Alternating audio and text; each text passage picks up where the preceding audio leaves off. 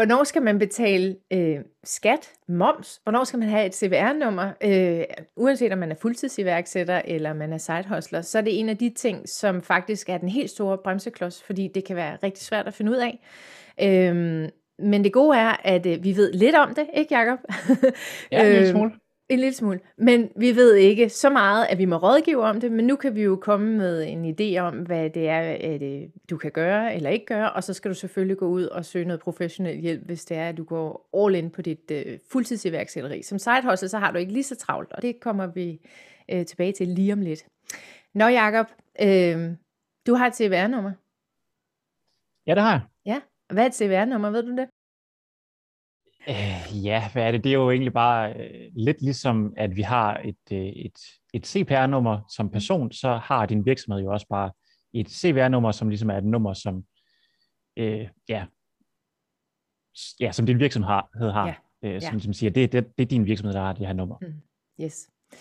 Og der er rigtig mange, der tænker, øj shit, jeg skal have et CVR-nummer, fordi nu skal jeg starte virksomhed op.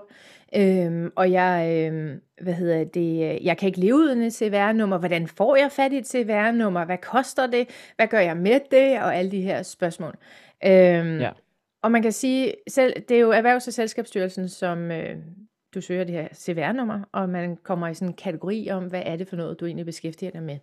Men man skal jo faktisk først finde ud af, har man overhovedet brug for et CVR-nummer fra start af? Ja. Øhm. Ja, og mange, og mange går faktisk i gang med at, at finde det med det samme og sådan ting. Og ja. Før de overhovedet har solgt noget, og, og før de overhovedet øh, ved, om de har en forretning, og det, der kan du virkelig spille meget arbejde, fordi du slet ikke mm. ved, om du kommer ordentligt i gang. Altså, så kan du bruge al din tid på alt det der med at få CVR-nummer og oprette virksomhed, ja. i stedet for at gå ud og arbejde på det, der virkelig betyder noget, nemlig at, at tjene nogle penge i første omgang. Yes. Og det er sådan, øh, at øh, der er jo noget, der hedder moms, øh, der skal betales, øh, men det skal man først, når man har omsat for 50.000. Ja. Og nu siger jeg omsat. Øh, og omsætte noget, det er jo ikke det samme som at tjene pengene på det. Så når man har omsat, det er jo der lige så snart, du har solgt noget. Øh, og man kan sige, øh, sådan som jeg har forstået det, så er det inden for 12 måneders øh, grænse af de her 50.000, de virker. Så i bund og ja. grund har man en øveperiode på 50.000. Ja. ja. Så som side hustle, så kan man jo bare holde det under den grænse, øh, og det kan man jo gøre et par år. Så kan det godt være, at skat kommer og siger, nu er det altså ikke en hobbyvirksomhed længere, nu er det noget, hvor du skal have et CVR-nummer. Men du har ikke travlt som side hustler. Som fuldtidsiværksætter, Jacob, hvor travlt har man så? Jamen altså, lige så snart du, du faktisk forventer at komme over de her øh, 50.000, det er ikke bare, når du altså rammer de 50.000, men det er, når du forventer, at du rammer de 50.000 i omsætning, så er der faktisk krav på, at du skal, du skal have det her CVR-nummer, og du skal momsregistreres. Ja, øhm, det er det. Øhm, er det svært? Jeg synes faktisk ikke, det er voldsomt svært. Nu har jeg selvfølgelig også haft øh, min far til at hjælpe mig med det her. Det ved jeg ikke, om om det er alle, der lige er, er lige så heldige med at kunne få hjælp af familie til, til sådan noget. Mm. Øhm, jeg ved ikke, om du kender nogle gode steder, man kan opsøge, hvis man har, har brug for hjælp til sådan noget. Jamen, der findes jo sådan nogle lokale iværksætternetværk rundt omkring i de forskellige byer, hvor man faktisk kan få hjælp til det, og man kan få noget gratis hjælp til det af professionelle øh, revisorer eller øh, altså eller i forhold til alle ting, det behøver ikke kun være inden for øh, revisor og bogholderi, øh, men de kan i hvert fald give dig noget øh, professionel hjælp til at sige, okay, hvornår er du ligesom der, hvor, hvor du skal til at, at have et øh, CVR-nummer. Og øh, altså sådan som jeg husker det, men nu er der jo blevet lavet om i det siden, men så var det altså rimelig nemt bare at gå ind og registrere det her CVR-nummer. Man skal selvfølgelig få den rigtige branchekode, det er måske sådan noget, man kan få hjælp til. Og så er der jo også noget med, med NemID og øh, med, øh, med noget erhvervskonto og sådan nogle ting. Men, men det skal bare ikke være det, der stopper en for at komme i gang. Øh, så budskabet der, der er egentlig, at øh, hvis du er helt ny og slet ikke kommer i gang, så bare gå i gang, Øhm, du behøver ikke have styr på de der, før du er begyndt at omsætte for, øh, for nogle penge. Man kan så Nej. sige, nu skal vi lige have styr på moms. Øh, det skal du betale af alt, hvad du sælger. Øh, men så er der det med skat, og det er tit her, at folk de, øh, de bliver sådan lidt forvirret. Fordi hvis nu jeg ikke har et CVR-nummer, men har tjent nogle penge, og lad os sige, at jeg har omsat for 30.000, så er der jo ikke moms på de her 30.000 før at vi når over de 50.000, og vi ligesom går i gang med det her CVR-nummer. Så man må ikke skrive moms på sine ydelser. Men jeg skal stadigvæk betale skat af alt det, jeg tjener. Altså af alle kroner. Ja. Ikke? Ja, og det er ligegyldigt, hvad du tjener penge på. Der, ja. Du skal altid betale skat. Ja, nemlig. Den siger du lige en gang til. Man skal altid betale skat. Det er godt. Ligegyldigt hvad. Yes.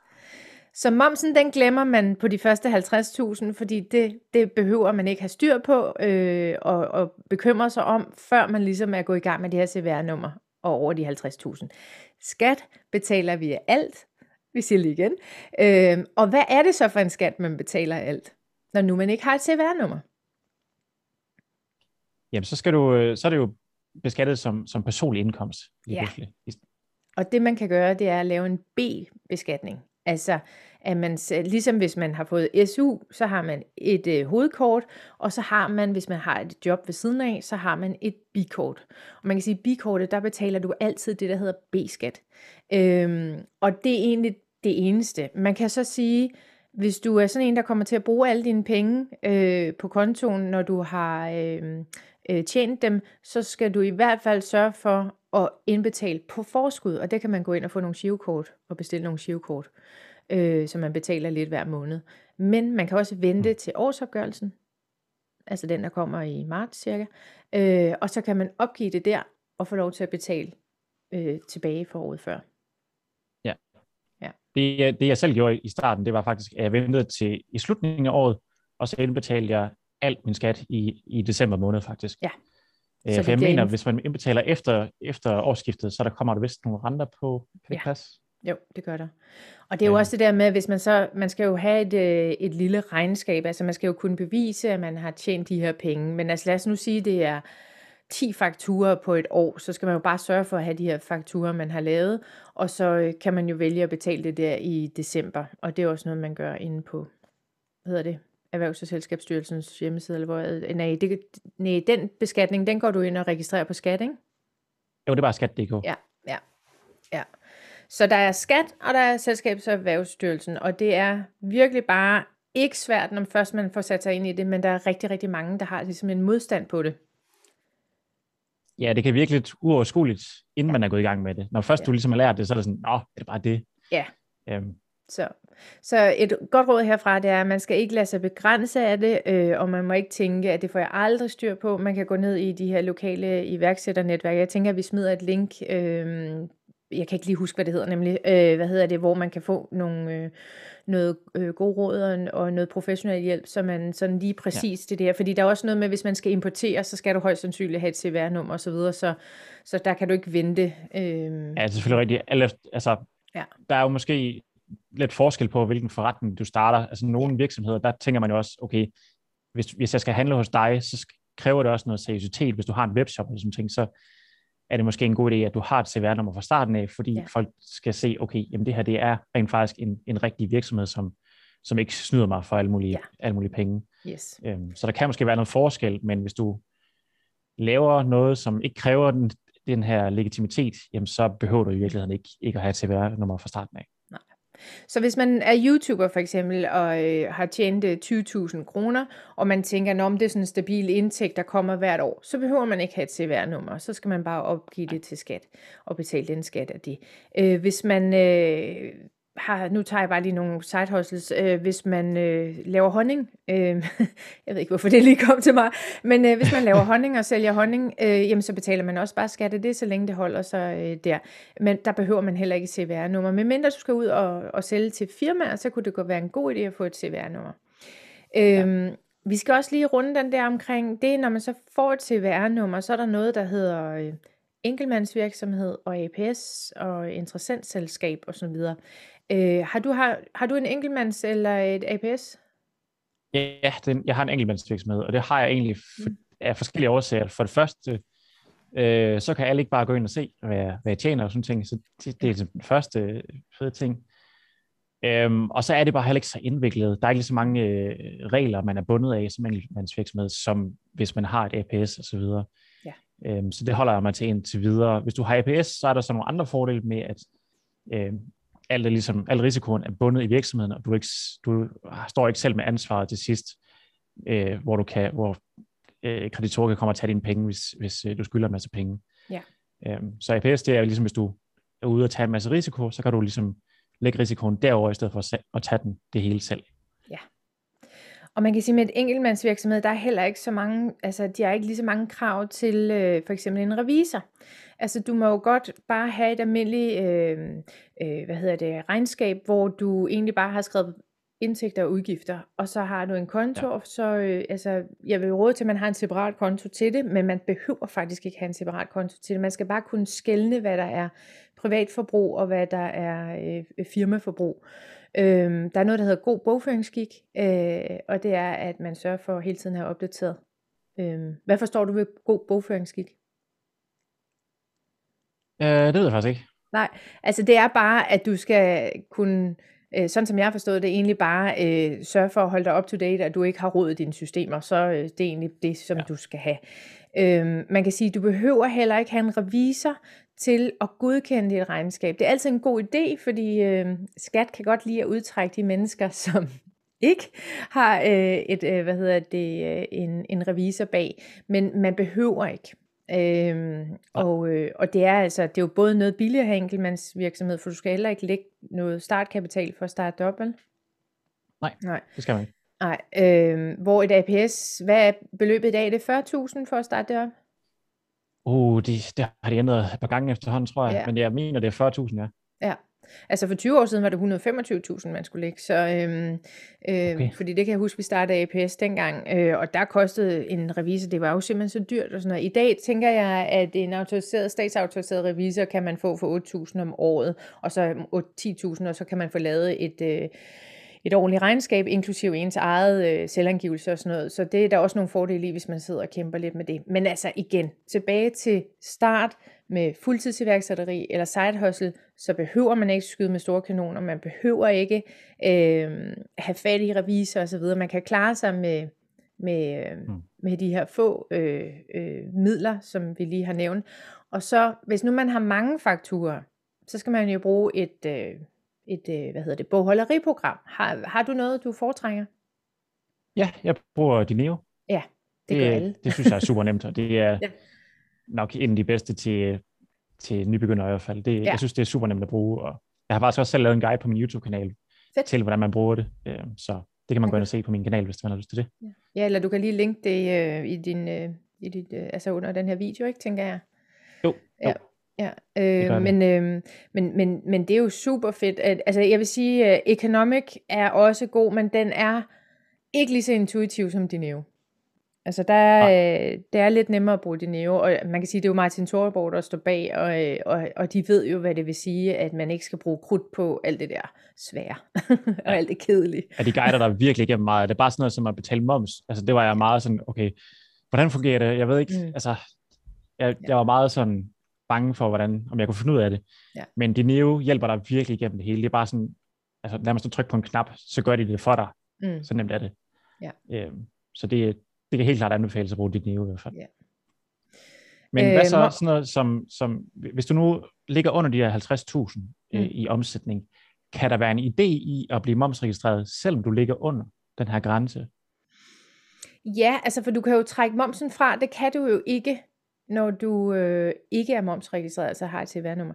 Øh, så, så det med, at øh, altså, når du laver en faktura, må du ikke skrive, at der er moms på, når du ikke har et CVR-nummer, fordi du ikke er momset. Men, men lige så snart, at du øh, øh, hvad hedder det, laver, altså at du øh, leverer de her øh, momspenge, øh, skulle jeg til at sige, eller får det her CVR-nummer, så må du også trække momsen frem. Det vil sige, at øh, mm. du kan, de ting, du skal købe osv., så, så, så man kan sige, at der er en fordel i det, men det giver så lidt mere arbejde i forhold til at holde øh, styr på sit regnskab, og, eller det skal man jo alligevel, men altså at have regnskab ja. og revisor osv., ikke? Så, øh, men har du, har du revisor på nu, Jacob?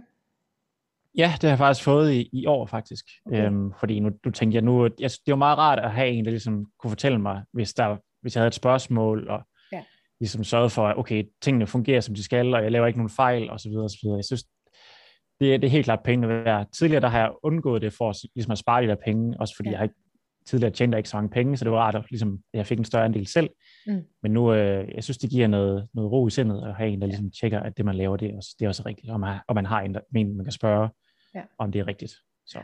Har du, altså kan man graduere den pakke, man køber hos øh, revisoren, altså, eller er det, det er bare det samme, du kan ringe altid og spørge, eller er det sådan noget med, her må du ikke spørge, det er den laveste pris, eller altså, kan man, kan man gøre det hos øh, din Det er faktisk et godt spørgsmål. Vi har ja. faktisk ikke snakket om pris, så jeg ved faktisk ikke helt, hvad, hvad det koster endnu. Oh! det, bliver, det bliver lidt spændende. Ja, det er sådan en blanko-check. ja, ja. Det, øh...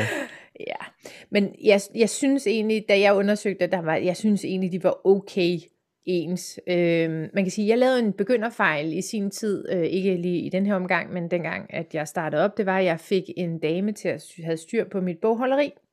Øh, det var så før de næve jo, så, så man kan sige, det var svært.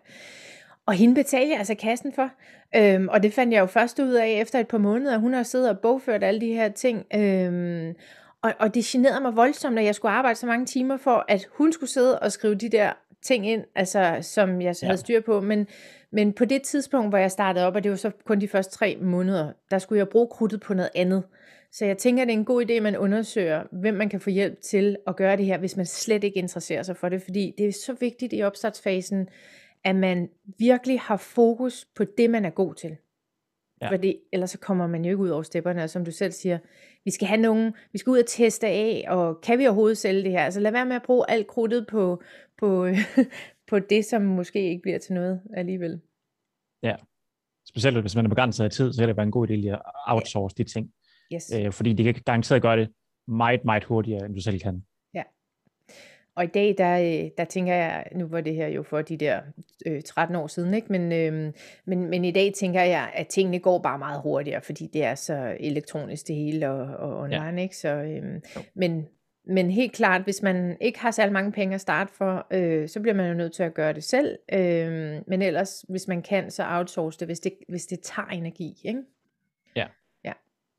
Så, så alt i alt, så, øh, så skal man ikke lade sig skræmme af og, øh, og skulle det der med skat og med moms og hvad ved jeg. Nej, det er bare at gå i gang i, start, i starten ja. der, og så øh, tager man det hen ad vejen. Det er godt pas godt på jer selv derude, og hvis der er nogle spørgsmål, spørg I selvfølgelig bare, men øh, ellers øh, så er det professionelle revisorer eller bogholder, I skal have fat i øh, i forhold til de her ting, øh, og lige jeres situation. Ja, det er en god idé i hvert fald. Ja.